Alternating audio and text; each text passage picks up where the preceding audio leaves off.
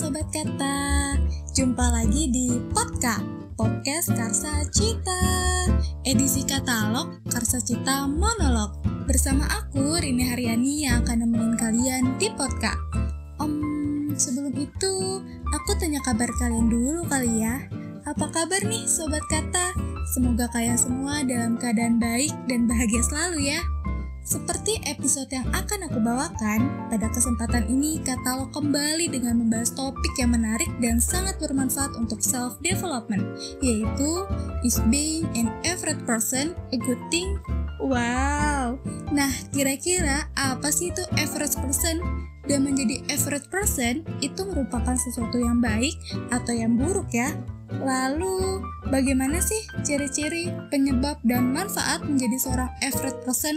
Yuk langsung aja kita bahas satu persatu. Jika dikutip dari pernyataan William John Brown dalam bukunya Dasar-Dasar Sukses Anda yang mendefinisikan bahwa average person itu adalah manusia yang mudah merasa puas asal bisa hidup atau bisa dibilang hidupnya hanya mengikuti alur aja seperti orang di sekelilingnya karena mereka-mereka ini gak punya target yang harus mereka capai dalam hidupnya. Ayo, siapa nih sobat kata yang hidupnya cuma ngikutin alur aja? Jangan-jangan kalian adalah average person. Nah, biar lebih paham lagi tentang average person, aku bakal jelasin nih ciri-cirinya. Yang pertama, mereka takut jadi yang pertama. Dalam artian, mereka nggak punya keberanian untuk memulai sesuatu hal baru di lingkungannya. Mereka cenderung hanya menjadi pengikut daripada menjadi pelopor atau pendobrak. Yang kedua, mereka enggan untuk menjadi yang terbaik. Waduh, padahal pada umumnya kan orang-orang itu suka berlomba-lomba untuk menjadi yang terbaik, ya nggak sih? Tapi average person malah kebalikannya. Nah, hal ini dapat dilihat dari ambisi mereka dalam memperjuangkan sesuatu. Mereka tidak totalitas dalam menjalankannya, karena mereka hanya menjadi orang yang rata-rata aja, orang yang biasa-biasa aja.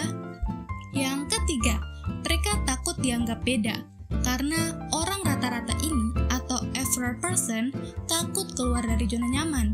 Mereka lebih memilih diam ketika memiliki sesuatu pandangan yang berbeda dengan yang lainnya karena takut menghadapi resiko-resiko yang akan terjadi. Yang keempat, mereka tidak suka perubahan. Padahal, berdasarkan filsuf Heraklitus, tidak ada yang abadi, karena perubahan itu pasti ada di mana pun dan kapan pun. Ever person akan sulit beradaptasi ketika dihadapkan perubahan, karena mereka terlalu nyaman dengan keadaan yang biasa-biasa aja. Yang kelima, takut diberi tanggung jawab. Biasanya, ever person memilih tanggung jawab yang ringan-ringan aja, karena mereka nggak mau berkontribusi lebih, apalagi yang menguras energinya. Padahal, dengan tanggung jawab yang besar akan membuat dirinya lebih berkembang dan lebih baik.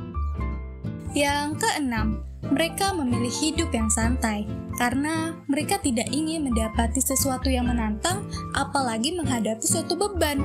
Dengan hidup yang santai-santai aja tentu akan membahayakan loh sobat kata, karena hal tersebut akan mematikan kreativitasnya secara perlahan. Yang ketujuh, alias yang terakhir, adalah tidak memiliki target hidup.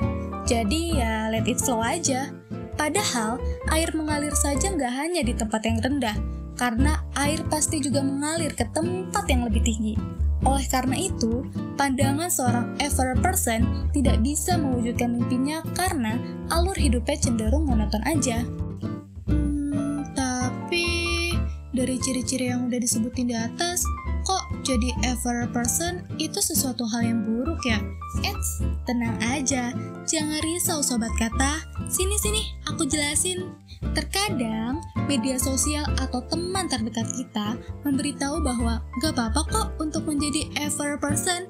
Jika kita tidak berpergian, tidak mencoba produk terbaru, tidak menghadiri acara dengan ribuan orang, maka kita selalu menganggap ada yang salah dengan kita. Apakah itu benar? Tentu saja tidak. Padahal, menjadi seorang ever person atau orang yang biasa aja ada manfaatnya loh buat kehidupan kita. Ini dia beberapa hal baik ketika kita menjadi ever person.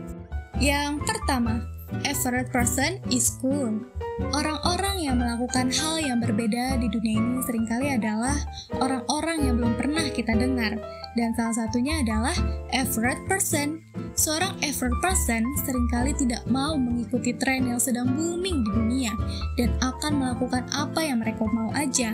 Mereka memilih untuk mengikuti jalan hidupnya sendiri dengan style yang mereka punya.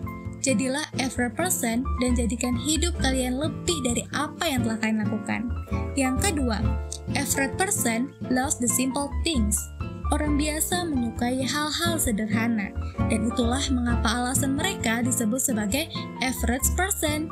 Hal-hal sederhana seperti berkumpul bersama keluarga, bisa main sama teman, makan makanan favorit, dan lain-lain. Hal-hal sederhana ini akan lebih banyak mendapatkan makna dan tujuan daripada yang pernah kalian harapkan. Yang ketiga, being average can mean a healthy lifestyle.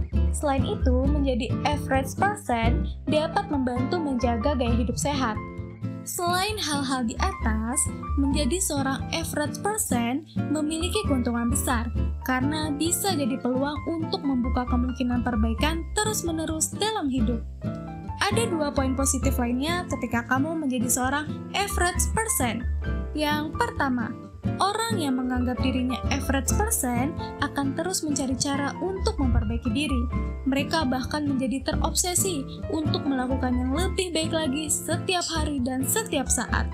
Yang kedua, average person ini gak gampang stres karena mereka merasa cukup dan relevan, sehingga mereka akan menjalani hidup dengan tenang dan tidak tertekan.